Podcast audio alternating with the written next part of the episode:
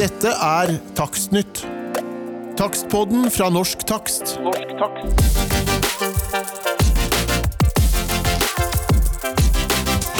Å kjøpe bolig er for de aller fleste den største og viktigste investeringen de noensinne gjør. Men dessverre ender en stor andel av boligkjøp opp som boligtvister. Dette er en problemstilling bransjen har jobbet med i lang tid, og det er en samlet bransje som har pekt på for at det er behov for endringer i lovverket. Stortinget har nå endret avhendingsloven og tilhørende forskrift. Det betyr bl.a. at boliger ikke lenger kan selges as is, og at det er lagt et større ansvar på at selger og bygningssakkyndig er ansvarlig for å beskrive boligens tilstand. Et regjeringsutnevnt lovutvalg kom før sommeren også med forslag til endringer i eiendomsmeglingsloven. Bakgrunnen for dette lovarbeidet er tryggere bolighandel for forbrukerne. I denne samtalen så håper jeg vi kommer til å bli litt mer opplyst om disse endringene, hvilke forventninger deltakerne i panelet har, og eh, litt om hvilke mangler og utfordringer vi ser fremover. Mitt navn er Anette Ringnes. Jeg er rådgiver i First House og skal være ordstyrer i denne debatten. Aller først så vil jeg gjerne introdusere nylig avgått administrerende direktør i Norsk Takst, Are Huser, som skal gi oss et kort overblikk over situasjonen rundt avhendingsloven. Tusen takk. Ja, um, kort overblikk. Jeg skal få prøve å oppsummere litt grann, eh, hvor, eh, hvordan vi havnet her. Um, da tenker jeg ikke på meg selv, men um, på, på endringene vi har nå fått i avhendingsloven, og ikke minst da den nylig vedtatte forskriften om tilstandsrapporter. Jeg vil si at dette er den største omdreining i retning av en tryggere boligomsetning som vi har hatt helt siden avhendingslovens vedtakelse i 1992. Og jeg tror at organisasjonene som er representert i panelet i dag, og som har hva skal si, kjempet, eller i hvert fall eh, jobbet hardt for det, vil være enig i det. Så skal vi høre mer eh, fra dem etterpå om detaljene i det. Um, jeg vil gå tilbake så langt tilbake for å liksom se hele eh, linjen her. Så tror jeg vi kan gå helt tilbake til 2003, da barne- og familieminister Laila Dove oppnevnte såkalte takst, boligtakstutvalget. Som den, den gangen skulle vurdere om man skulle ha obligatoriske tilstandsrapporter, om man skulle ha en godkjenningsordning for dagens, den, den dagens uh, takstmenn.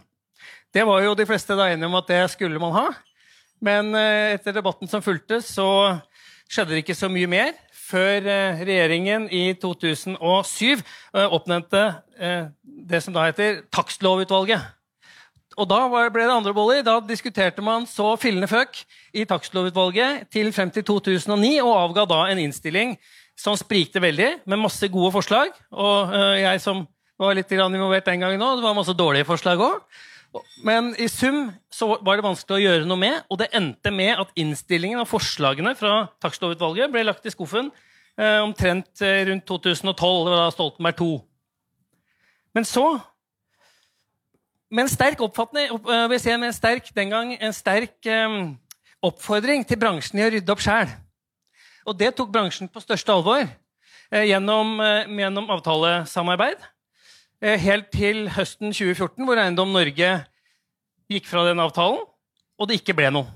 Og etter debatten som fulgte, eh, så var det jo liten bedring å spore. Vi har hatt mange saker i mediene om en vanskelig boligmarked, risikofullt boligmarked. Vi har eh, Forbrukerrådet, Huseiernes Landsforbund, Eiendomsmeglerforbundet som har påpekt det. Og selvfølgelig da vi i Norsk Takst.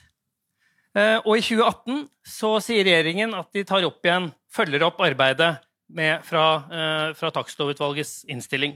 Og det har jo ført frem til den, eh, den vedtatte nye avvenningsloven, eller avvenningsloven med de nye endringene som vi har i dag. Og nå helt nylig også da denne eh, forskriften til eh, avvenningsloven, som sier noe om eh, tilstandsrapporter, hva de skal inneholde, og, og hvem som skal gjøre det. Og Sentralt i diskusjonen om hva som skal gjøre bolighandelen tryggere, har vært spørsmålet hele veien om økt bruk av gode tilstandsrapporter. Og det virker at det er veldig bred tilslutning om at dette er et egnet virkemiddel. Det som har vært stor uenighet om, det er insentivene for å få til det. Og der har du spent fra forslag om at det skal være obligatorisk, til at man ikke skal ha noen insentiver i det hele tatt. Og nå har vi levd med det siste lenge, og endelig så endrer jo det seg litt. Diskusjonen har også gått, øh, øh, dreid seg om gode og dårlige tilstandsrapporter og forholdet mellom aktørene. Altså takstmennene som lager de, eiendomsmeglerne som oftest formidler de, og i stadig økende grad også selgerforsikringsbransjen. Og For takstbransjen så har det nok vært vanskelig i disse diskusjonene over årene å akseptere premiss om at kvaliteten er dårlig. Fordi vi vet at kompetansen er høy. Og i hvert fall i den kalde, seriøse, organiserte delen av takstbransjen, som heldigvis er langt, langt den største delen. Vi vet det, og derfor er man jo glad for at myndighetene nå sier at de har undersøkt dette, og vi vet at de har undersøkt det, og kommet til den konklusjonen.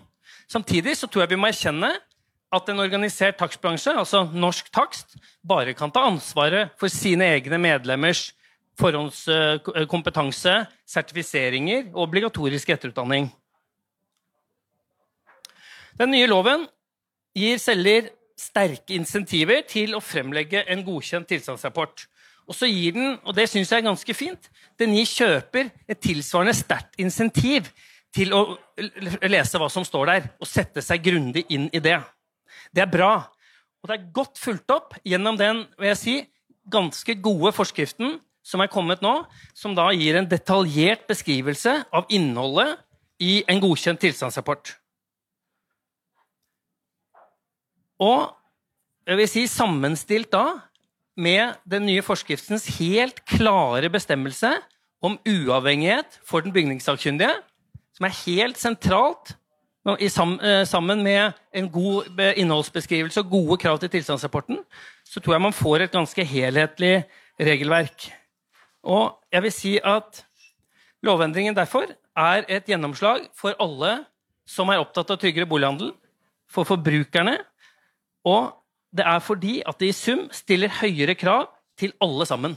Til alle involverte. Stiller høyere krav til takstmannen, som må utøve sitt fag på en grundig måte og observere sin rolle på en annen måte enn før.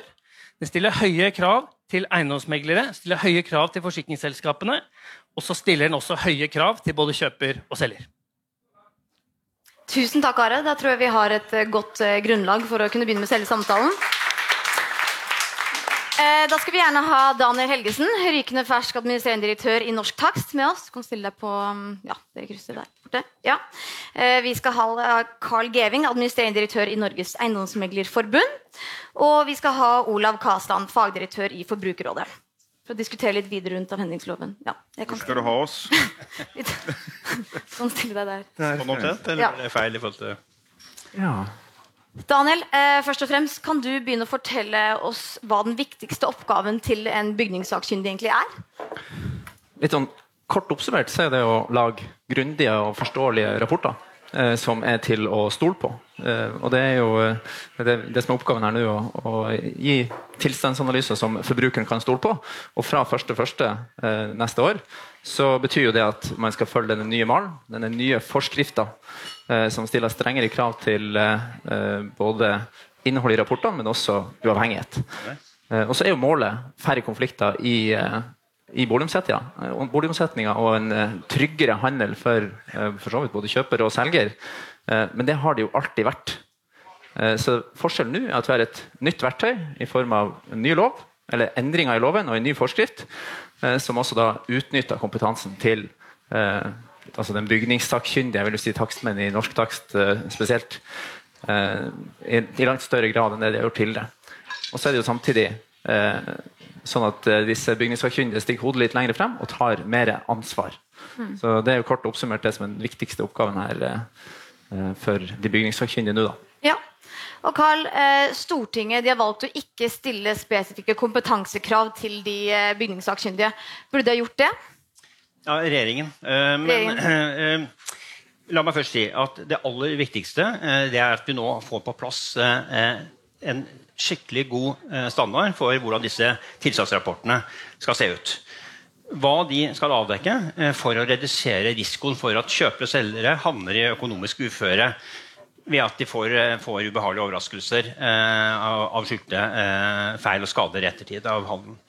og det er jo sånn da, at hvis du er bygningssakkyndig og skal markedsføre da, mot forbrukerne en forskriftsmessig tilstandsrapport, så vil du stille helt andre krav til deg fra 1.1. Fordi du kan løpe et betydelig økonomisk ansvar dersom du ikke gjør en skikkelig grundig jobb. Og denne forskriften, innholdet i rapporten, den er meget uh, god. og det tør jeg påstå at alle som har vært involvert i den uh, høringsprosessen, vil være enig i.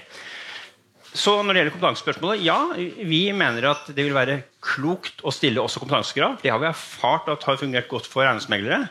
Men vi oppfatter også at regjeringen regjeringens dør er vidåpen for å komme tilbake til kompetansekrav lenger ned i gata når man har erfart hvordan disse tilstandsrapportene faktisk fungerer. Hvis de ikke fungerer godt nok, så må man stille krav. Så det vil vi selvfølgelig jobbe sammen med eh, Norsk Dags for å få på plass. Men det viktigste er at vi nå eh, får en god eh, standard på tilstandsrapporter. Og så må vi også huske på at uansett så var jo Vi ville jo aldri fått en eh, kan vi si, på plass kompetansekrav før fire-fem år fram i tid med overgangsordninger. Og vi ønsket også en overgangseksamen. Så uansett så er dette et, et, såpass langt fram i tid at dette skal vi nok klare å finne ut av i god tid. Eh, før det blir noe problem. Mm. Olav, du representerer jo forbrukerne. Altså, hvordan kan vi som forbrukere egentlig være sikre på at de bygningssakkyndige gjør jobben sin, når uh, hvem som helst kan bli bygningssakkyndig? Ja, jeg tror nok ikke at hvem som helst kan bli det. I den ideelle verden så skulle vi ha hatt sånn som eh, Carl sier, så ville vi gjerne hatt en utdanningskrav i forskriften. Nå er ikke den der. Eh, det viktigste for oss det er også å få avhendingsloven på plass, slik at den trer i kraft 1.1. Eh, jeg er helt enig med Carl at dette kan vi komme tilbake til senere når vi ser hvordan det virker. Nå er det sånn at eh, Heller ikke i dag så er det et utdanningskrav til takstmenn eller til eh, bygningssakkyndige. Det fungerer relativt bra. Noen, noen, noen, skjær i sjøen er det, og det er de du som ofte hører om, men i de store og hele så fungerer det veldig bra. Forskriften som ligger der nå, den er veldig veldig bra. Den er veldig detaljert. Den svarer ut det vi ønsker. Hvis det er noe, er noe en gang sånn da, at det er noen Så vil jo dette her på en måte Jeg hadde ikke tørt som, uh, som en amatør å prøve meg som, som, som, takstmann. Da blir du tatt. Altså Du blir tatt så grundig at du kommer aldri til å gjøre det igjen. og du, du sitter ikke igjen med noen ting etterpå, antageligvis. Og Hvis det er noen som prøver seg på dette, og vi ser en opplagt sak som Eh, noen amatører går ut og prøver seg på. Eh, og, eh, og det er en sak som, som kan danne presedens for å legge lista, hvis ikke disse kravene kommer inn i forskriften. på en eller annen ja, da kan jeg nesten garantere at for, Forbrukerrådet kan være med og føre den saken mot vedkommende, slik at vi får lagt den lista og danna presedens i rettsapparatet. Jeg er ikke så veldig redd for det, selv om jeg ideelt sett skulle gjerne hatt i utdanningskrav. Det er godt å høre. Eh, Daniel, Tilstandsrapporter er jo en sentral del av dette. her. Hva er de viktigste endringene i forhold til hvordan innholdet er i nye tilstandsrapportene? Altså, vi har vært inne på Det Det handler jo om strengere krav. På et litt sånn overordna nivå så snakker vi eh, strengere, mer innholdsrike rapporter. Eh, vi snakker flere sjekkpunkter, om man vil. En fastere struktur, og ikke minst også krav til et forståelig språk. Eh, og Summen av det skal jo gjøre at eh, forbrukerne kan ta bedre og mer opplyste valg. Og så er det mer konkret, da, så er det jo helt ned i detaljene på tak, bad, kjeller, eh, kjøkken og altså, alle risikokonstruksjoner man vil. Eh, og en sånn praktisk liten ting fra tidligere så har man kanskje lest at, eh, at det ikke er flytta på en sofa, eller at det var rotete i et rom eller i en kjeller, og man ikke undersøkte det. Den tida er over. Nå må man om så rydde vekk, gjøre undersøkelsene. Det skal ikke være noen sånne X-faktorer i eh, rapporten. Så det er store og viktige endringer som strammer skruen skikkelig til. Eh, dette pålegger eh, den bygningssakkyndige langt større ansvar, men det blir da mer homogene eh, og like rapporter, men mer tilgjengelig og riktig informasjon. Og igjen, vi er veldig veldig glad for at vi har et regelverk nå som utnytter kompetansen til våre folk på en bedre måte enn tidligere. Olav, har du noen tanker om hvordan vi skal jobbe frem mot implementeringen av den nye loven? Nei, det er bare å få satt i gang fortest mulig. hadde jeg sagt. Eh, vi har venta veldig mange år, for Brukerrådet har jobba med dette her siden, håper si, siden krigen. Eh, eh, eh det blei ble, ble fart i sakene. Det var før min tid, så jeg kan skryte av det. Det var fart i sakene når Forbrukerrådet, NEF, Norsk Takst og huseierne gikk sammen og danna den firerbanden for å få dette dette, dette gjennom. Da ble det fart i saken. Eh, da ser du at samarbeid det fungerer faktisk. og Så får vi heller være uenige på de få områdene som vi er uenige, men samarbeid det fungerer veldig bra. Da ble det fart i saken. Nå har vi fått en lov som er helt sikker på vil trygge bolighandel. La oss få satt den i gang, så kan det hende da, i begynnelsen og i, ofte i, i nye lover blir implementert, så får du noen rettssaker som skal danne presedens på hvordan dette ser ut. Det kan hende at det blir noen saker i begynnelsen for å, for å, få, for å, få, for å se hvor rettsanvendelsen skal være. Men sånn som den eksisterende avvenningsloven har vært, så er det vanlig en lov så går det sånn at da tester du, tester du rettsapparatet, og så går sakene ned. For da har du danna president. Sånn har ikke eksisterende avvenningslov gjort. Den har bare gått fortsette, fortsette, fortsette. fortsette. Det er for oss et bevis på at det har ikke vært en god forbrukerlov. Nå har vi fått en god forbrukerlov. Helt sikker på, kanskje sånn, og så går den rett ned. Vi har fått en trygg bolighaver. Bra. Så Carl, helt til slutt, Hvordan blir eiendomsmeglernes rolle i implementeringen av loven, og eh, hvordan kan de bidra for å informere kjøpere og selgere om bruk av tilstandsrapporter? Ja, altså Rollen til eiendomsmegler blir mer krevende. Fordi eiendomsmegleren har et betydelig informasjonsansvar etter eh, loven. Eh, og, eh, det innebærer bl.a. at eiendomsmegler eh, vil jo måtte eh, bruke mer tid på å forklare selgerne de nye ansvarsforholdene. Hvorfor det er så viktig eh, å ha en eh, god tilstandsrapport. Eh, og også forklare selger på hva, hva, på hva, er grensene for, for en feil eller skade som kan betinge erstatning. Det er utrolig viktig å få selgeren til å legge alle kort på bordet. Ikke holde igjen informasjon, for det vil du bli tatt for. Eh, og eh, også eh, Det er jo slik at Selgeren får jo ikke lov til å ta generelle forbehold lenger. Men det kan være helt legitimt å ta et spesielt forbehold. Hvis du har en risikoopplysning, det er en sprekk i en flis i en dusj, frykter at det kan være fuktskade Dette er ikke noe som man har klart å dokumentere i tilstandsrapporten, men få det fram. Bringe det til, til takstmannen og ut til, til kjøperne. Så får du et informasjonssvar i forhold til kjøper. Kjøper eh, får jo restelig sett i fra samme undersøkelsesplikten, men som Olav var inne på, eh, den blir jo de facto mye viktigere og mye tydeligere. De må sette seg inn i, i eiendommen, lese rapportene grundig. Ikke minst den delen av rapporten som sier noe om utbyggingskostnader ved mer alvorlige feil. Slik at man skjønner at når man betaler x antall millioner, så koster det kanskje enda mer å komme i hus. Så, så, dette er et ansvar som vi kommer til å ta med stort al uh, alvor. Og vi, vi, vil ta det, fordi vi har erfart at uh, samfunnet de vil ha en tryggere bolighandel. Og det er bare to yrkesgrupper som kan bidra til det. Det er uh, bygningssakkyndige og eiendomsmeglere i fellesskap. Tusen takk, alle tre. Da skal vi fortsette samtalen, men med nye deltakere. Vi skal ha Morten Meyer, generalsekretær i Huseiernes Landsforbund. Og så skal vi ha eh, Siri Gåsemyr Staalesen, stortingsrepresentant for Arbeiderpartiet og medlem av kommunal- og forvaltningskomiteen.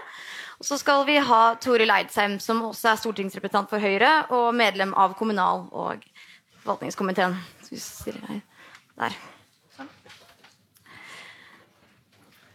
Da kan jeg vel først og fremst eh, spørre om det alle lurer på. Eh, Siri, hvordan vil dette her se ut eh, sorry, Siri, hvordan vil dette her se ut hvis Arbeiderpartiet kommer i regjering? Ja, eh, jeg må nesten begynne med forhistorien før det, tror jeg. Eh, Forbrukerrådet sa at dette her er en veldig god forbrukerlov. Eh, og det er ikke noe tvil om at denne lovendringen var veldig etterlengta. Vi trengte en ny lov som skulle trygge bolighandelen. Og, og det var jo stadig en debatt om at selgerne sant, Oppga de nå virkelig liksom tilstanden på rapporten, eller var det den klausulen om at man kunne selge as is, gjorde at, at uh, som kjøper så hadde du kanskje litt for dårlig vern. Så uh, har det en lang prosess med NOU-er og høringer så kom det til høring i Stortinget hvor rabalderet brakte løs. Og jeg tror alle vi som satt i kommunalkomiteen, fikk litt sånn bakoversveis på den høringa. Det pleier å være stille og rolig. Eh, dette var ikke en stille og rolig høring. Det tror jeg alle dere som var der, eh, husker veldig godt. Eh, og jeg var jo saksordfører for den saken og ganske fersk stortingsrepresentant. Så tenkte at ok, dette må jeg ta på blodig alvor. Dette må jeg sette meg inn i. Hvis ikke så, Jeg må vite hva, hva er det vi snakker om her. Og det som vi landa på at var kjernen i den saken, det var at regjeringa hadde levert for dårlig, et for dårlig begrunna forslag. Derfor så foreslo vi sammen med Senterpartiet og, Venstre, nei, og, SV å sende hele loven tilbake. Og vi sa den var for dårlig, og vi, kunne ikke vite om den ville føre til flere konflikter eller ei. Enda hensikten var jo selvfølgelig og helt oppriktig fra regjeringens side å sørge for færre konflikter. Så står vi et helt annet sted i dag. Og eh, Da den eh, forskriften kom, så ringte journalistene til meg og sa at ja, nå vil det være, første dere vil gjøre når dere kommer, er å sende loven rett tilbake. Eh, men verden er jo ikke så hva skal jeg si, enkel eller vanskelig. Nå har vi den loven. Eh, og den eh, skal virke, og forskriften skal begynne å virke. Og da må vi se hvordan den virker. For hvem hadde rett i den høringen? Var det de som påstod at dette ville føre til flere konflikter, eller de som mente at den ville ikke gjøre det? Sånn at jeg mener da at her må vi ha litt is i magen, eh, og ikke bare rope hva skal jeg si, ulv, ulv, men si at ok, vi hadde et standpunkt. Arbeiderpartiet hadde et tydelig standpunkt og gjorde en grundig jobb med det lovarbeidet. Eh, og kom til den konklusjonen at vi ville sende den tilbake. Det er ikke det samme som at vi nå bare skal skrote en lov som er i ferd med å virke. Nå må vi se hva slags effekter den har. Hvem hadde rett? Det vil vi jo få vite når vi ser hvordan sakene går i rettssystemet. Og så er det fullt mulig å følge en lov veldig tett og gjøre endringer underveis utenom at man må skrote hele loven. Mm. og det er jo veldig bra at det er sånn. Så vi, men at vi kommer til å følge med det er helt sikkert. Det kan jeg love. For denne loven vet vi at har konflikter i seg. Både hva skal jeg si, opptakten og utarbeidelsen av det nye lovverket. Eh, men også at den er kimet i konflikt mellom kjøper og selger av bolig, som jo er den viktigste investeringen vi gjør, som du sa. Ja. Toril, ja. hva sier du til det? Nei, jeg tenker at uh, som flere har vært inne på, at nå er det aller viktigste at vi erkjenner at uh, lovforslaget er der. Uh, det er viktig at det trer i kraft raskest mulig, og det vil skje først i første. Og så må vi se videre fremover, følge det tett. Som flere var inne på her, så har vi gitt signaler om det. Vi har gitt signaler om at vi er villige til å følge kompetansekravet tett og se om det avviker i forhold til det vi har fått informasjon om. For vi har nemlig fått informasjon, eller det er blitt avdekka, at det er tilsynelatende ikke kompetansen det står på. Det er det at det har vært manglende krav til hva som skal være innholdet i rapportene.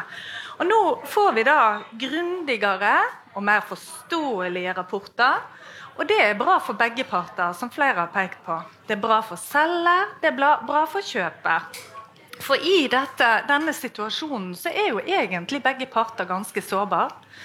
Fordi at du er sårbar som selger hvis du har misforstått eller glemt eller sett bort ifra. Altså, det er kanskje eiere som har hatt huset over lang, lang tid og så kan det være småting som i utgangspunktet ikke lenger er en småting, men blir en stor ting. Sant? Så det, det, er veldig viktig dette at, eh, at, det følges tett. Men jeg, i hvert fall så, så, langt nå så er det ingenting som, som uh, tyder på at det er kompetansen til takstmannen det har stått på. Det er det ikke. Og Morten, Når eh, denne loven trer i kraft, hvilke ting er det dere kommer til å være opptatt av å følge med på? For å se om ting går som det skal? Ja, altså, aller først har jeg lyst til å si at det denne loven gjør, og som innebærer at vi som uavhengig forbrukerorganisasjon tror den vil føre til en trygg bolighandel, det er det grunnleggende prinsippet om at selger får en langt sterkere forpliktelse til å dokumentere mm. tilstanden på boligen og kjøperen får en sterk forpliktelse til å sette seg inn i tilstanden på boligen. Vi tror, eller ikke bare tror, vi er veldig trygge på at god informasjon bidrar til et lavere konfliktnivå. Når vi vet mer om det vi skal selge, og vi vet mer om det vi skal kjøpe, så er det grunn til å tro at bråket mellom kjøper og selger blir mindre. Så jeg har lyst til å si at når Jeg lyttet nøye til, eh, til Siris innlegg, og så tenker jeg det er liksom norsk politikk på sitt beste. Du fighter for det du tror er riktig.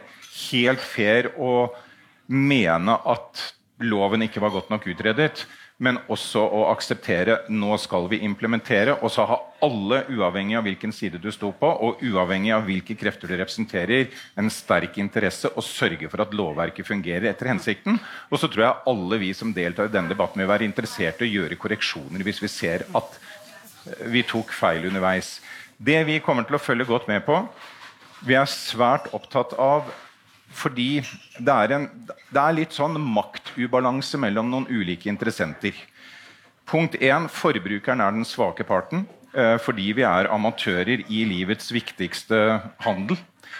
Eh, så, og Det mener vi dette lovverket har eh, bidratt til å styrke forbrukernes posisjon.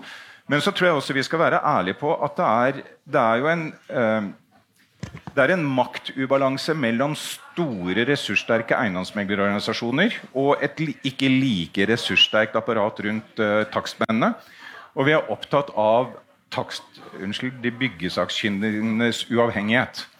Det at uh, kall det eiendomsmeglerkjeder og forsikringsselskaper ikke kjøper opp en pool av byggesakkyndige som svekker den uavhengigheten. For den uavhengigheten er veldig viktig for forbrukerne.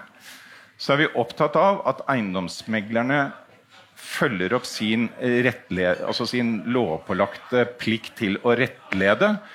Uh, og Det betyr jo at hvis en forbruker velger en byggesakkyndig som eiendomsmegleren mener ikke kan levere innholdet i en, eh, en, en, eh, rapport, så bør den eiendomsmegleren fortelle kunden sin at det skal du, la være, altså den, du skal finne en annen.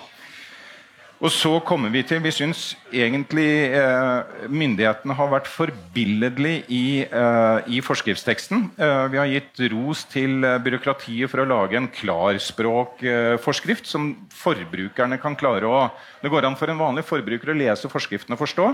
Og så er vi opptatt av at bransjen følger opp med, med takstrapporter som vi som forbrukere forstår. Uh, og det har vi også lagt vekt på i arbeidet inn mot myndighetene. at altså, Dattera mi som er på boligjakt, må kunne sette seg ned med en takstrapport og ikke være avhengig av hjelp fra andre for å forstå hva den takstrapporten egentlig innebærer. Uh, hun skal som Eh, oppegående forbruker få en tilstandsrapport som gjør at jeg, jeg skjønner at uh, dette er de sterke sidene, dette er utfordringene, og det kommer til å koste meg x antall kroner de ti neste årene å sette den boligen i tipp topp stand. Mm. Det, det, er vi opptatt av.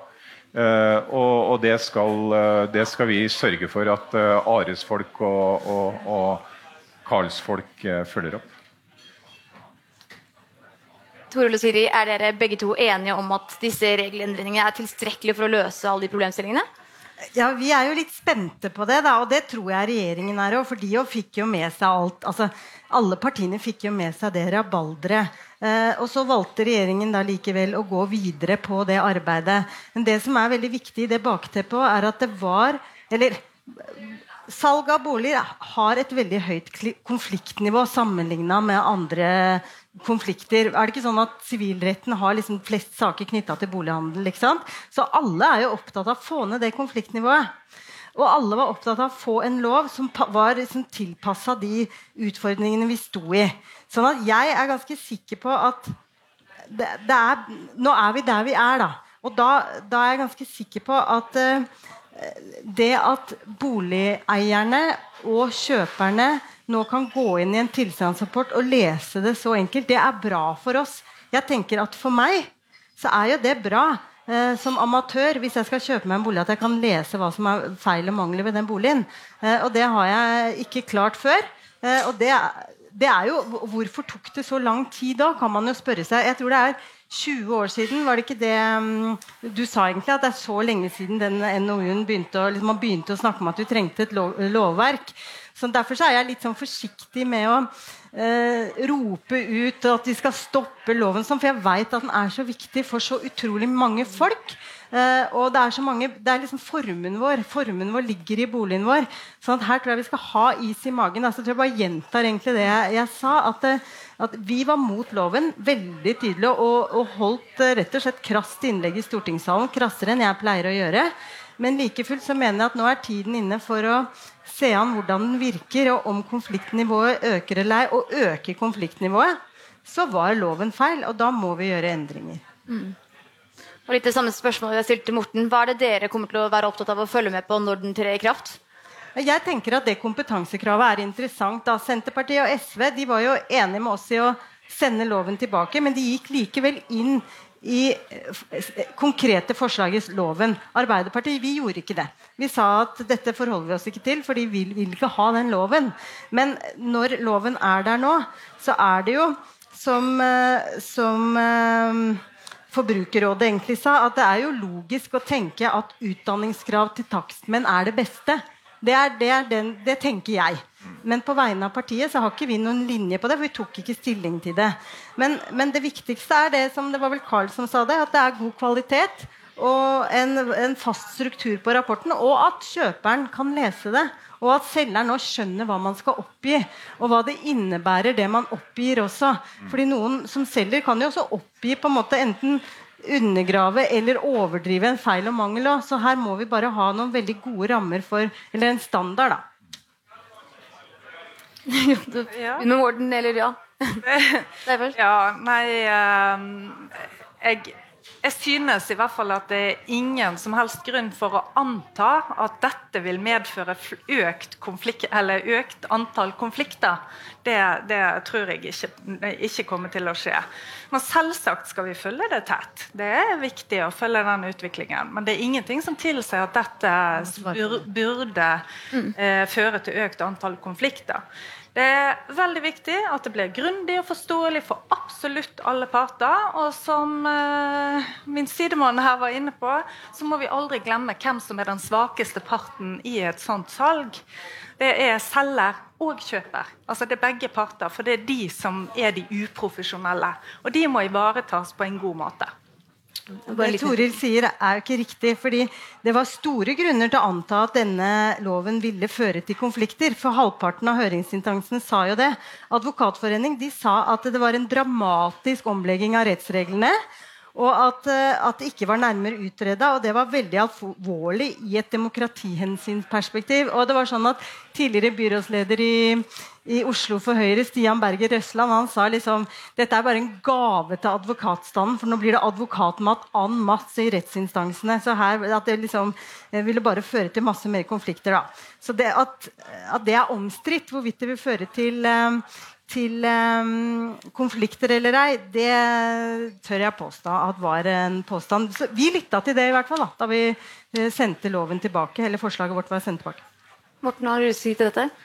Ja, altså, eh, jeg tror Vi kan aldri lage et lovverk eh, som eh, vil viske ut alle konflikter. Det vil være noen konflikter som er reelle konflikter, og som det er viktig at rettsapparatet får avklart. Og så vil det være noen kverulanter som vi håper både meklere og takstmenn kan være med å stoppe. Så tenker jeg er så fri at jeg tenker at når Forbrukerrådet og huseierne som ikke har noen andre interesser enn forbrukernes interesser, og som ikke tjener penger på noe av det som skjer i eiendomshandelen, bidrar til å få gjennomført disse endringene, så tenker jeg at det skal være med å skape en form for trygghet. Og så kan Olav og jeg ta feil, eh, og det skal vi stå opp for hvis, vi, hvis det viser seg å være tilfellet. Og så tror jeg vi skal være forberedt på at som Olav sa, et nytt lovverk vil alltid utløse noe økte konflikter fra starten av, for du trenger noen rettsavgjørelser for å få satt uh, praksis. Jeg har bare lyst til å kommentere dette med, med kompetansekrav. Jeg tror, jeg tror, det er helt fair å si at det var flere av oss som var både overrasket og kanskje litt skuffet uh, når det ikke var forskriftsfestet nå. Men når vi hadde lest og reflektert og tenkt oss om, så er vi nok ganske trygge på at når du har en forskrift som så bra definerer innholdet i rapporten, da er det med på å ekskludere uh, de useriøse, ikke-kompetente byggesakkyndige som skal gjøre det. Uh, og så var vi også oppmerksom på som jeg tror det var Carl som var inne på det, at det måtte jo være en overgangsperiode for å ikke skvise de beste takstmennene ut av bransjen. For de beste takstmennene de er 55-60 år gamle byggmestere og tømrere og veldig flinke fagfolk som kanskje ikke ville bruke de fem siste årene eller ti siste årene av yrkeslivet sitt til å uh, ta, ta, noe, ta noe vekttall.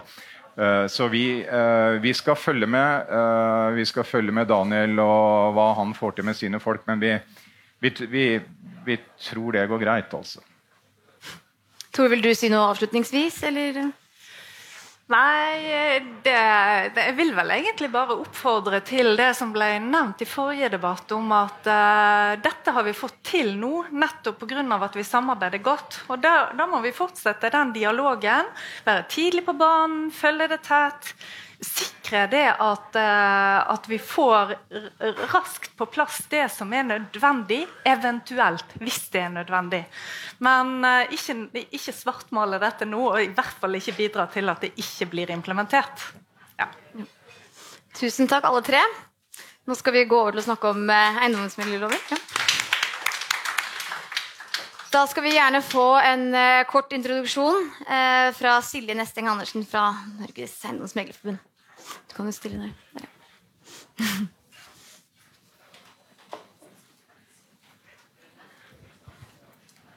Takk for det. Eiendoms...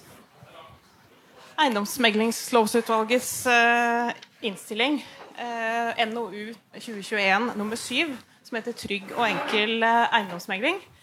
Den ble avgitt til Finansdepartementet den 4. juni i år. Og den NOU-en er nå på høring med frist eh, helt i starten av eh, oktober. Dette utvalget var eh, bredt sammensatt og ble ledet av eh, Espen Moen, som er professor i samfunnsøkonomi på Handelshøyskolen BI. Ellers eh, så besto dette utvalget av høyt kompetente fagpersoner fra både akademia, fra næringslivet og fra organisasjoner. Og både juss, økonomi og teknologi er fagområder som da var eh, representert. Og hvis dere ser dere om i salen, så ser dere opp til flere av disse fagpersonene til stede her i dag. Så det er muligheter for å fortsette diskusjonen med de passende omgivelser etterpå. Eh, eiendomsmeglingsutvalget har gjennomgått reguleringen eh, på eiendomsmeglingsfeltet fra A til Å.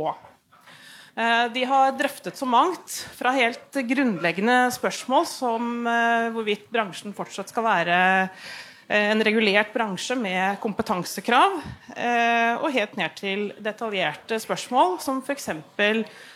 minste akseptfrist i budrundene.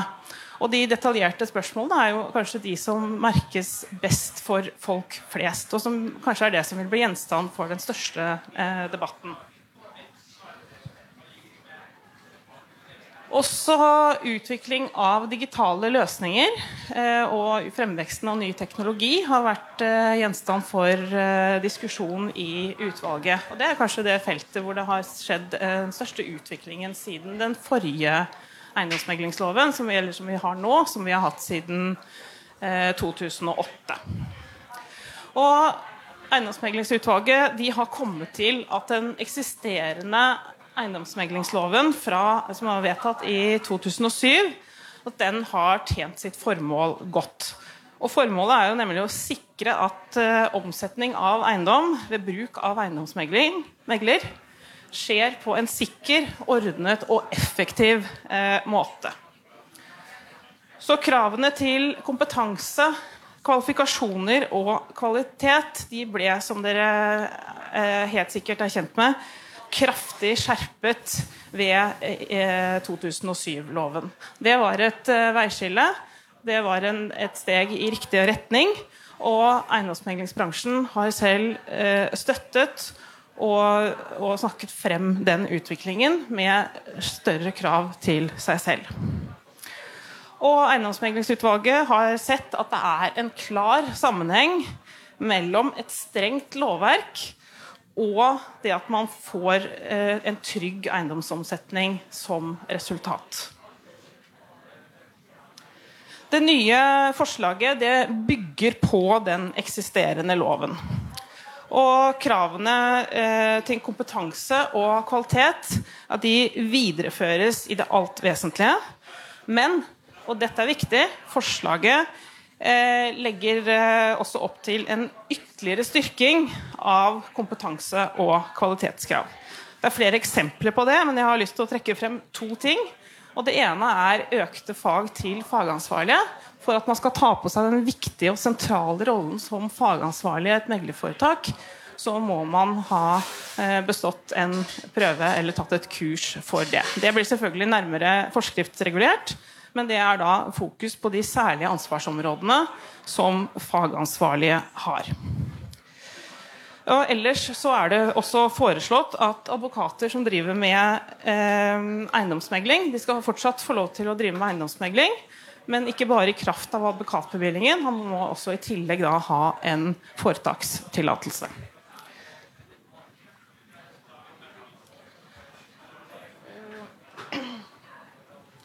I tillegg til dette så er det noen andre forslag som jeg har lyst til å trekke fram. Eh, det foreslås at det skal innføres egnethetsvurdering for flere grupper. Ikke bare eiendomsmeglere med personlig tillatelse, som er gjenstand for en egnethetsvurdering ved tildeling av eiendomsmeglingsbrev, sånn som det er i dag, men også eiendomsmeglerfullmektiger og oppgjørsmedhjelpere foreslått underlagt en egnethetsvurdering eh, som skal sikre at man ikke får uegnede personer inn i bransjen. Dette er eh, eiendomsmeglere eh, har ansvar for store verdier, det viktigste for folk, som ofte nevnes. Og det er et tillitsbasert yrke, og det skulle bare mangle at ikke det er egnede personer som slipper til.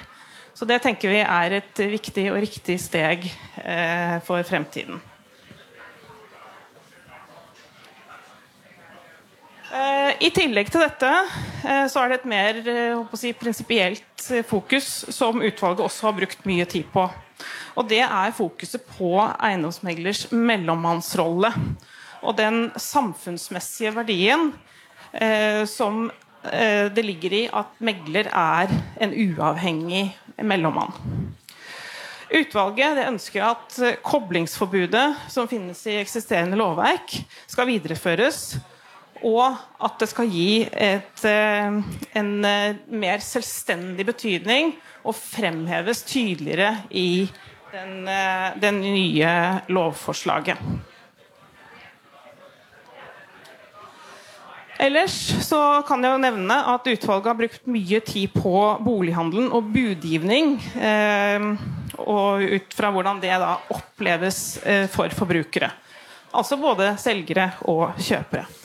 Kupping, hemmelige bud og korte frister det diskuteres ofte, og vi leser jo ofte om det i avisene. Og det oppleves definitivt som problematisk for de som da blir utsatt for det. Og det kan jo både gjelde på selgersiden og på kjøpersiden.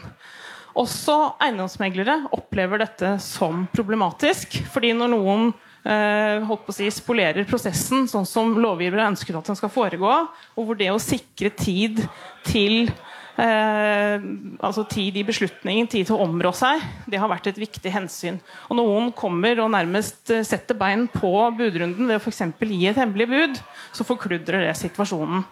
Og Det samme hvis det gis direkte bud til selger.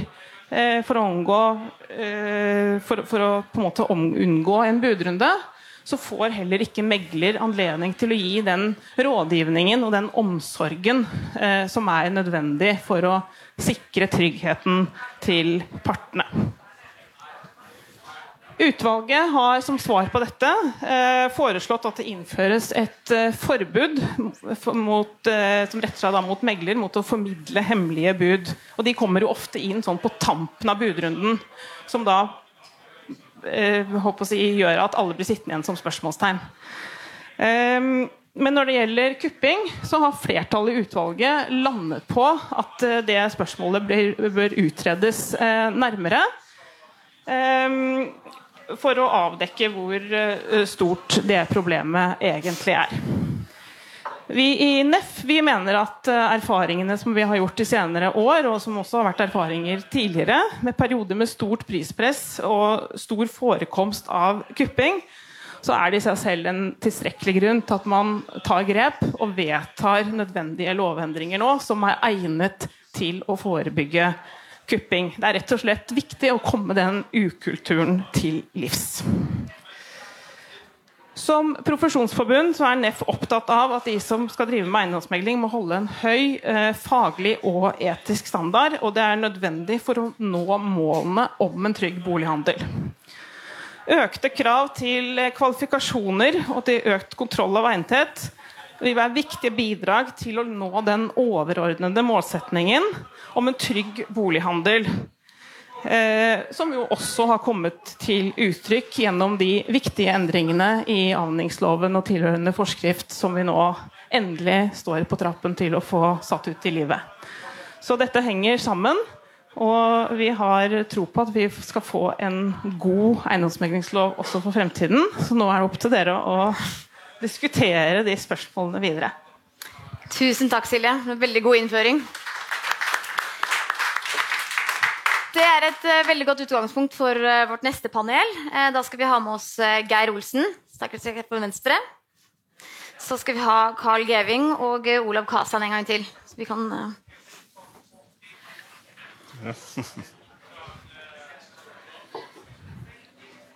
Carl, nå har vi jo snakket om en rekke regelendringer. Føler du at dette er et steg i riktig retning, eller at det innskrenker avtalefriheten? Ja, altså jeg synes jo, eh, Vi opplever jo at denne utredningen er meget grundig. Eh, et ordentlig dypdykk. Eh, og Det er veldig balansert. Det har vært veldig veldig faglig sterkt utvalg. Og de har funnet sammen. Det er nesten ikke uenighet. Når det gjelder det du tror du sikter til her, altså dette med kupping, så er det jo sånn at i Norge så har vi altså en, en lovregulert salgsprosess hvor målet er at det skal være åpent, transparent, ryddig og etterrettelig. Og eh, Kupping er jo en, en, kortslutning av den prosessen. Eh, og Det eh, eh gjør jo bl.a. at eh, andre interessenter ikke får muligheten til å være med i prosessen. Det er jo i og for seg et brudd med prinsippet som Stortinget har lagt i eiendomsmeldingsloven. Og eh, vi er egentlig mer bekymret for risikoen for juridisk konflikt når en kjøper en fredag kveld går rett på selger og gir han et bud som man ikke klarer å si nei til, og han ikke har lov til å, å eh, rådføre seg med megler om. Så eh, har jo utvalget foreslått en veldig god løsning eh, eh, som det er flertall for. Eh, og det er altså at man skal gi eh, en kjøper som blir utsatt for kupping, nei, en selger som blir utsatt for kupping, en tidsavgrenset angrerett. Dvs. Si at han kan gå tilbake til megler og si at jeg sa ja, ja til, til tilbud over bordet. Jeg klarte ikke å si nei. Gjør jeg? Og da skal, kan megler si at vel, eh, du har faktisk lov til å angre deg innen budrunden starter, som er klokken tolv. Typisk mandag hvis visning, siste visning var på søndag. Det er en meget begrens, eh, liten begrensning i avtalefriheten som kun rammer kupperen. Fordi da risikerer kupperen Hvis jeg da prøvde å snike i køen og kuppe en bolig, så risikerer jeg at selger går fra aksepten. Eh, og, og, det er jo eh, kjedelig hvis jeg har, en måte, da, eh, kunne ha bydd på en annen bolig. kanskje. Så vi tror at dette er, er en, en, en, riktig vei å gå. Og så tror vi ikke at vi trenger å utrede så veldig mye mer. På den annen side så regner vi med at uh, Finansdepartementet kommer til å bruke tid på å utrede, så, så i mellomtiden så kan man jo også avdekke problemet og kanskje dokumentere det bedre enn da. Mm. Geir, det er også et uh, forslag som går på uh, koblingsforbud og eiendomsmeglernes uavhengighet. Hva er det som ligger i det, egentlig? Nei, Det er nok egentlig Olav mer uh, ja, vil du svare på det? å svare på. Nei, altså, koblingsforbudet er jo dette med altså, I Norge så er det sånn at eiendomsmeglerne eies i hovedsak av bankene. Eh, eh, mange uavhengige også, men det er veldig mange som eies av bankene. Og så har det, eh, så har det vel historisk vært sånn tanke om at, det, at eiendomsmegleren formidler kun boliger, lån til den banken som eies av banken. Det er jo helt forbudt. Det har vi, det har vi tydeliggjort og, og, og, sagt veldig tydelig i loven at det er helt forbudt. Vi kunne jo tatt den helt ut da, og gjort som i USA, der det sier at det er helt forbudt for banker å eie eiendomsmeglerforetak. Eh, forskjellen på Norge er, og, og, USA er vel en 315 millioner innbyggere. Eh, og litt større marked der borte. Så det er, det er jo praksis umulig å få til. Samtidig så har også bankene muskler nok til å drive innovasjon på, på, på dette feltet. Fordi eh, eiendomsmeglerbransjen er avhengig av innovasjon. Det skjer un utrolig mye innovasjon på eiendomsmeglerbransjen. Og hva vi kommer til å se om 10-15 år, det vet vi ikke i dag. Eh, men vi har prøvd i det lovutvalget å lage rammer som også favner, slik at vi kan på en måte se inn i framtida. Så må ting reguleres. Men det er denne tydeliggjøringa av skillet mellom bank og eiendomsmegler. Mm. Og, ja. Kan jeg få lov til å si der eh, Dette er, viktig. Eh, fordi eiendomsmeglingsloven eh, Eh, den eh, legger jo opp til at megleren kun skal ha selger og kjøpers interesser. Du skal ikke ha andre eh, interesser enn selger og kjøper. Og bankene er gode eiere. Men de eier jo også eiendomsmegling i stor grad for få kundestrøm. Altså lånekunder. Det er lov. Men eh, det som ikke er lov, det er eh, å innrette eh, slik samarbeidet mellom mor- og datterselskap, altså bank og eiendomsmegling, at man i realiteten legger et indirekte press på megler til å skaffe eh, lånekunder for å få inntekt. Altså at man har en sånn eh, leads-tipsstruktur. Eh, Dette har utvalget adressert. Eh, og Der er det gråsoner i dag som NEF er opptatt av å få ryddet opp i. Det er et bransjeansvar. Håper Finansdepartementet også tydeliggjør det. Eh, sånn at vi blir ferdig med den der gamle debatten om koblingsproblematikk. Og dette har jo en side til konkurranse og forbrukernes beste interesse. Dersom forbrukerne i realiteten ledes til, altså tvinges til et bestemt meglervalg, kan godt være at det kortsiktig er bra for forbrukeren der og da, men på lang sikt så er det banken som tjener på det. Så, så dette kommer vi til å bruke tid med politikerne for, å, for at dere skal forstå hva vi er opptatt av. Og det er, er altså selger og kjøpers beste interesse at man får bedre kontroll, litt bedre kontroll på, på, på det samspillet. Og dette her med særskilte krav fra advokater, ser du på det som en god idé?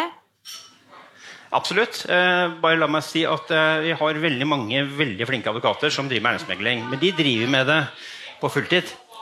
Eh, det som har vist seg i praksis når Finanstilsynet utøver tilsyn, er at de advokatene som driver med det sånn av og til, og bare i kraft av advokatbevilgningen, de gjør oftere feil. Og det går utover forbrukerne. Så vi er bare ute etter at vi mener det helt riktig som utvalget har foreslått, at man skal eh, underkaste alle advokater den samme internkontrollsystemet og de samme kravene som altså ordinære eiendomsmeglingsforetak etter loven. Men man kan godt ha konsesjon som eiendomsmegler ved siden av advokatvirksomhet.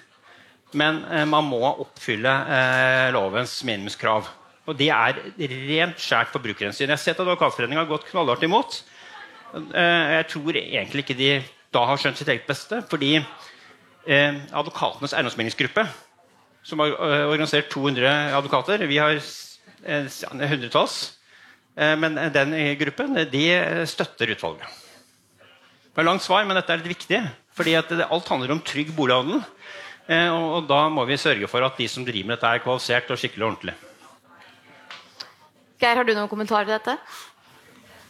Jeg, jeg, kanskje ikke så mye til akkurat dette. fordi eh, De har jo ikke tatt stilling til, altså til, til, det utvalget har foreslått.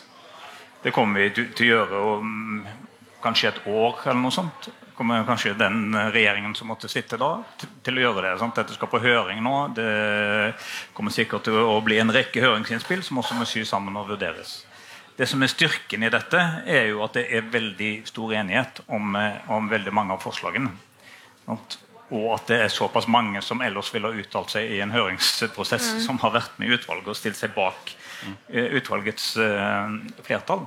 Uh, sånn at på, jeg tror på alle disse kravene med, eller alle forslagene som stiller strengere krav til advokater, til meglere osv., Eh, de tror jeg, Hvis jeg skal spå litt i framtida, de tror jeg kommer til å bli gjennomført som utvalget eh, har foreslått. Mm. Så er det selvfølgelig noen andre eh, interessante diskusjoner der, eh, og som egentlig var bakgrunnen for at vi satte ned utvalget. Eh, det handler mer om, om, selve prosessen med budgiver og sånt.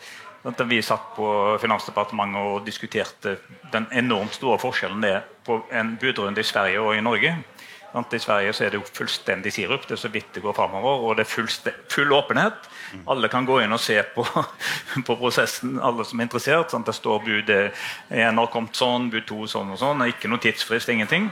Og det er liksom opp til uh, selger å bestemme seg for når den vil akseptere. Sånn. Du får ikke lov å sette fram noen sånne tidsfrister. Og så har du Norge der det er bare ferdig.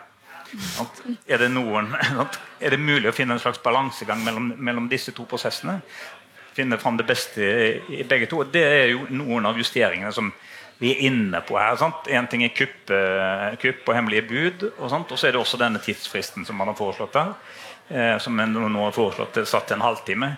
Eh, for min del så kan den gjerne være lenger. Eh, men dette er jo det jeg håper at man skal klare å få dratt i gang en altså, folk flest i, i denne høringen er å, å, mene noe om disse prosessene. For dette er jo noe alle har vært igjennom på et eller annet tidspunkt i livet. stort sett alle i hvert fall. Sant? Man har vært, vært i budrunder, man har kanskje tapt mange budrunder. Det har vært for kort tid, man har ikke fått tak i banken sin. Eh, sånne, sånne, ting. Sant? Og det er jo det, det er litt sånn spørsmålet hvem er det som skal styrkes? hvem er forbrukeren som skal styrkes? Det er jo en veldig interessant eh, Eh, det er jo en veldig interessant debatt. Er det den som på en måte har, har budet, og som, har, sant, som skal, skal, rettigheten skal styrkes, eller er det alle andre som er interessert i det samme, som skal styrkes? Det er den ene interessante diskusjonen. Og så er den andre diskus interessante diskusjonen er jo litt på utsida av dette, men allikevel eh, en del av dette. Det handler jo om alle de nye digitale løsningene som, eh, som nå vokser fram. Sant? Muligheten til å omgå eiendomsmegler, egentlig. Sant? Til å fikse dette sjøl på, på løsninger. Eh, hvordan skal det reguleres? Dette er jo utvalget også innom. Eh, og, og, du kan også tenke deg en utvikling litt, enda litt lenger fram i tid. At du har eh, at du har veldig gode digitale løsninger som er på utsida av eiendomsmeglerne. Og som da eiendomsmeglerbransjen begynner å kjøpe opp disse selskapene igjen. Hvordan skal du da regulere det? Altså her er det massevis av problemstillinger framover som, eh, som, utvalget er inne på, men som, som, vi, som Kanskje når høringen er ferdig om ett år, så ser verden kanskje litt annerledes ut igjen. Så da er det problemstillinger som vi må, som storting og regjering må, må ta stilling til. Mm. Ja, det vi har prøvd litt i utvalget, eller prøvd så godt vi kan, da, det er jo på en måte å lage rammene i loven. Og så er det som, du, som, som Geir sier, at dette skjer jo en en kjapp utvikling på. Vi, vi, altså det, det, er jo ingen som kan se, vi veit jo ikke altså, hvor lenge siden smarttelefonen kom? Tolv år siden? eller noe sånt. Ja, den har jo forandra verden mange ganger. Eh, hva som skjer om 12-15 år, det veit vi jo ikke. Men da er det på en måte har vi ramma, eh, ramma i loven, og så har vi forskriften som vil måtte komme, som på en måte er lettere å regulere på underveis. Og så har jo politikeren tidligere sagt her at det går faktisk an å endre lover også. da. Eh, eh, hvis, ikke det, hvis ikke kartet stemmer med terrenget. Og så har det vært litt diskusjon om regulering av selvhjelpstjenester. Altså for salg av bolig. Ja. Ja. Eh, hvordan ville dette sett ut? Er, altså, I hvilken grad trengs det, og hvordan skulle det gjøres? Jeg tror det er viktig, eh, viktig, å få med seg én ting. Det er at uh, her, her, her, er dissens i utvalget. Uh, ikke, det, altså bare lyst til å si at dette utvalget har jo vært en velsignelse å sitte i, fordi at folk har vært interessert i å lage en god lov og ikke ri sine egne hester. Og så har det vært utfordring fordi vi har sittet på Teams hele tida. Eh, det er ganske slitsomt å sitte 10-12 timer på Teams dag etter dag. Altså. Eh, så, men, men, men, eh, men, jeg tror alle, alle Jeg vet at alle Nå skal vi ha middag i slutten på september. Da kan vi endelig møtes. Så jeg tror alle er glad for at vi kan endelig møtes da. To år etterpå. Men, men dette her med, med, med, med selvhjelpstjenester, det er, jo, det er jo sånn da at det er 2% av av transaksjonene som skjer i selvvesenet. Vi må ikke lage dette for større enn det faktisk er. Og så er det og så har det vært diskusjon hvor går grensa mellom eiendomsmegling, som skal inn i eiendomsmeglerloven, og selvhjelpstjenester. Det vi har vært opptatt av, flertallet, det er jo at det, å utelukke eller å si at alt skal gjennom eiendomsmegler, det er for brutalt. Du må få lov til å selge ditt eget produkt. Jeg eier huset mitt. Det er ingen som skal få lov til å bestemme om jeg vil selge det sjøl. Og når du først har sagt det, så mener vi at dette forbrukervern å ha noen Nå tegner han seg. Eh, forbrukervern å ha noe hjelpetjenester til å hjelpe deg gjennom den kompliserte prosessen. Og så sier vi veldig tydelig at noe av den prosessen det må profesjonelle ta seg av. Men noe av pro eh, prosessen kan gjøres digitalt på nettet. Og, det, eh, og, og, da må folk få hjelp. Det er forbrukersikkerhet. Fordi eh, Carl kan ikke få lov til å fortelle meg at hvis jeg skal selge boligen, så er det han som må selge boligen min. Det vil jeg gjøre sjøl. Kan jeg jo kanskje overraske da, forsamlingen med å si at uh, jeg er helt enig at det må være lov til å selge sin egen bolig. Det vi i NEF er opptatt av, det er altså at um, når du da selger boligen ved hjelp av en uregulert uh, tjeneste, så skal selger vite hva han faktisk kjøper når han kjøper den tjenesten, og forbruker, mm. kjøper skal vite hva han får. Mm. Fordi Det er jo åpenbart eh, større risiko forbundet med en eh, eh, privat eh, transaksjon mellom kjøper og, og, selger. Og Der har vi jo eh, erfart at eh, noen av disse selvhjelpstjenestene de markedsfører seg med at dette er like trygt og ukomplisert som en virksomhetsbolighandel med eller uten megler. Eh, og det er jo ikke korrekt. Så det, og det har jo utvalget sagt. at Derfor man, man bør merke produktene. Og det bør ikke være sånn som i dag at selvhjelpsannonser kan ligge sammen med alle andre boligannonser på Finn. Det ser helt likt ut. Hvis du er amatør, hvis du ikke vet bedre sånn som jeg gjør, så vil du tro at dette her er jo vanlig salg. Og husk på at uh, Megler har jo utvidet uh, undersøkelses- og opplysningsplikt. Du har uh, lovpålagt forsikring.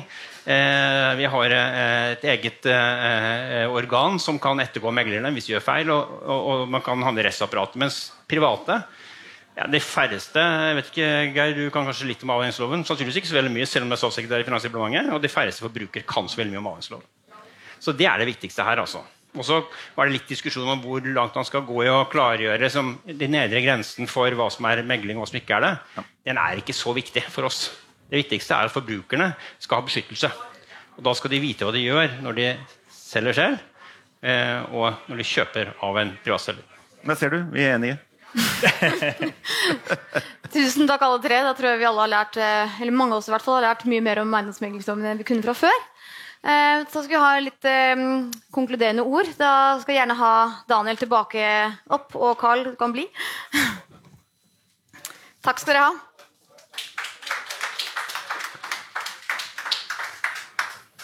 Ja, helt til slutt. Daniel Carl, dere står her og eh, er veldig gode venner. Enige. Hva har dere å si om eh, beskyldningene om samrøre og manglende uavhengighet mellom bygningssakkyndige og meglerbransjen? Uh, ja, det, det, skal jeg svare på, men først vil jeg bare takke uh, Toril, Siri og uh, Geir for at dere kommer hit. Og så ta utfordringa med å svare på at vi er trygge på at i hvert fall de vi representerer i norsk takst, skal levere. Og så er det litt godt også, for det, er lettere å prestere under press, at dere følger litt ekstra med. Det setter vi egentlig bare pris på. For at det kan bli behov for endringer, det utelukker jeg absolutt ikke. Men til spørsmålet, så er det jo sånn at eiendomsmeglere og bygningssakkyndige eller takstmenn tradisjonelt sett har samarbeida godt og ryddig. Og så finnes det jo eksempler, og det er jo de som gjerne kommer frem på at det ikke er sånn alltid. Eh, og Hvis det er inntrykket, så kan vi jo ikke leve med det inntrykket der ute. og Det må vi gjøre noe med. Og Da er det betryggende at vi har en forskrift som stiller strenge krav til uavhengighet. Endelig fått det inn eh, skriftlig, sort på hvitt, i tillegg til disse strenge kravene til innhold. For, for kombinasjonen av strenge krav til innhold og, og kalle det prestasjon fra de bygningssakkyndige og strenge krav til uavhengighet, det gjør jo det at rommet for samrøret blir mindre. Eh, og, og, rommet for påvirkning blir mindre. Så, så jeg tror vi, eh, vi skal i hvert fall gjøre vårt for at det inntrykket der slettes ved hjelp av de nye reglene. da. Ja, Det kan jeg bare slutte meg til. Det er vel talt. Eh, og vi er to seriøse yrkesorganisasjoner som er veldig opptatt av at våre respektive medlemmer, bygningssakkyndige og eiendomsmeglere, skal da forvalte tilliten fra forbrukerne ved å levere eh, tjenester av høy faglig kvalitet med stor integritet. Det er jo på den måten man kan drive også sunn forretning. Så, så det, dette her er på ingen måte noe konfliktpunkt. Og Vi har jo vært gjennom ganske mange forskjellige temaer. Er det noe dere føler at uh, vi ikke har vært uh, innom, eller uh, dere har om å si? Ikke umiddelbart. Som sagt, jeg tenker at uh, Nå er vi i en uh, implementeringsprosess. Uh, vi er trygge på at våre folk hvert fall skal være klare. Og så er jeg veldig glad for at vi samarbeider nå med NEF og for så vidt også Forbrukerrådet og, og huseierne. For, for nå er også informasjon ut til forbrukerne, de det gjelder, viktig. sånn at det ikke er noen som får noen overraskelser når nyttåret kommer og, og reglene er endra. Mm. Ja, og Vi kommer til å samarbeide aktivt disse to organisasjonene da, om, om, informasjon til, til både respektive byggesakkyndige, eiendomsmeglere og forbrukere, for å, for å, sørge for at dette får best mulig lansering da, fra januar av. Og så har Jeg lyst til å si jeg, jeg likte veldig godt uh, refleksjonene til politikerne. og også sånn som Siri, Det er ikke en tvil om at det var en veldig het debatt, men at man da var det Morten som sa det, dette er liksom det beste av norsk politikk. altså at man, eh, ok, når, når man har tatt et slag, så går man videre, og så jobber man for at ting skal fungere optimalt. Og Så får vi se da, hvem som skal styre dette regjeringskontorene etter valget, men, men jeg er trygg på at eh, det kommer til å bevege seg i, i, i riktig retning. Absolutt. Ja, Da virker det som om eh, alle har sagt det de har lyst til å si. Og vi har hatt en veldig veldig fin samtale i dag. Så da takker jeg alle for at de har vært med. Og så mm, kan vi alle glede oss til å se frem til at eh, loven trer i kraft, og at det blir orden på sakene. Absolutt. Tusen takk. Dette var Takstnytt. Takstpodden fra Norsk Takst. Norsk takst.